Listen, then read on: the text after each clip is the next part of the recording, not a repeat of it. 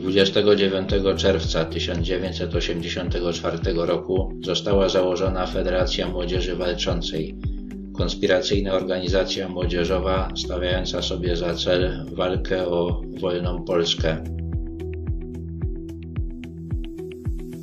Jej struktury istniały w wielu miastach. Skupiała ponad tysiąc członków.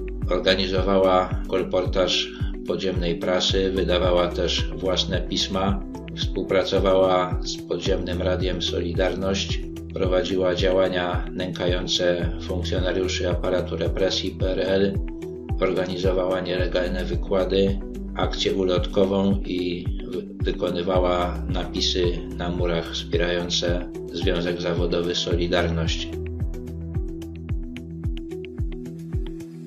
Oprócz represji przewidzianych prawem stosowano wobec niej również represje pozaprawne. W styczniu 1986 roku Jacek Górski, jeden z założycieli FMW, został pobity przez tzw. Tak nieznanych sprawców i położony na torach kolejowych.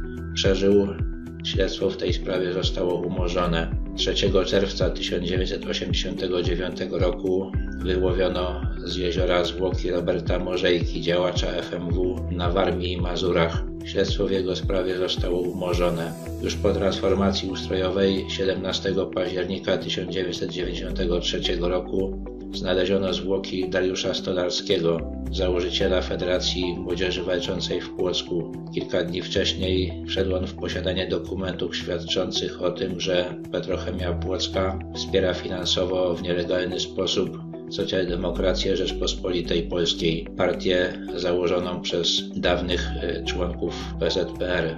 W tej sprawie również prokuratura umorzyła postępowanie.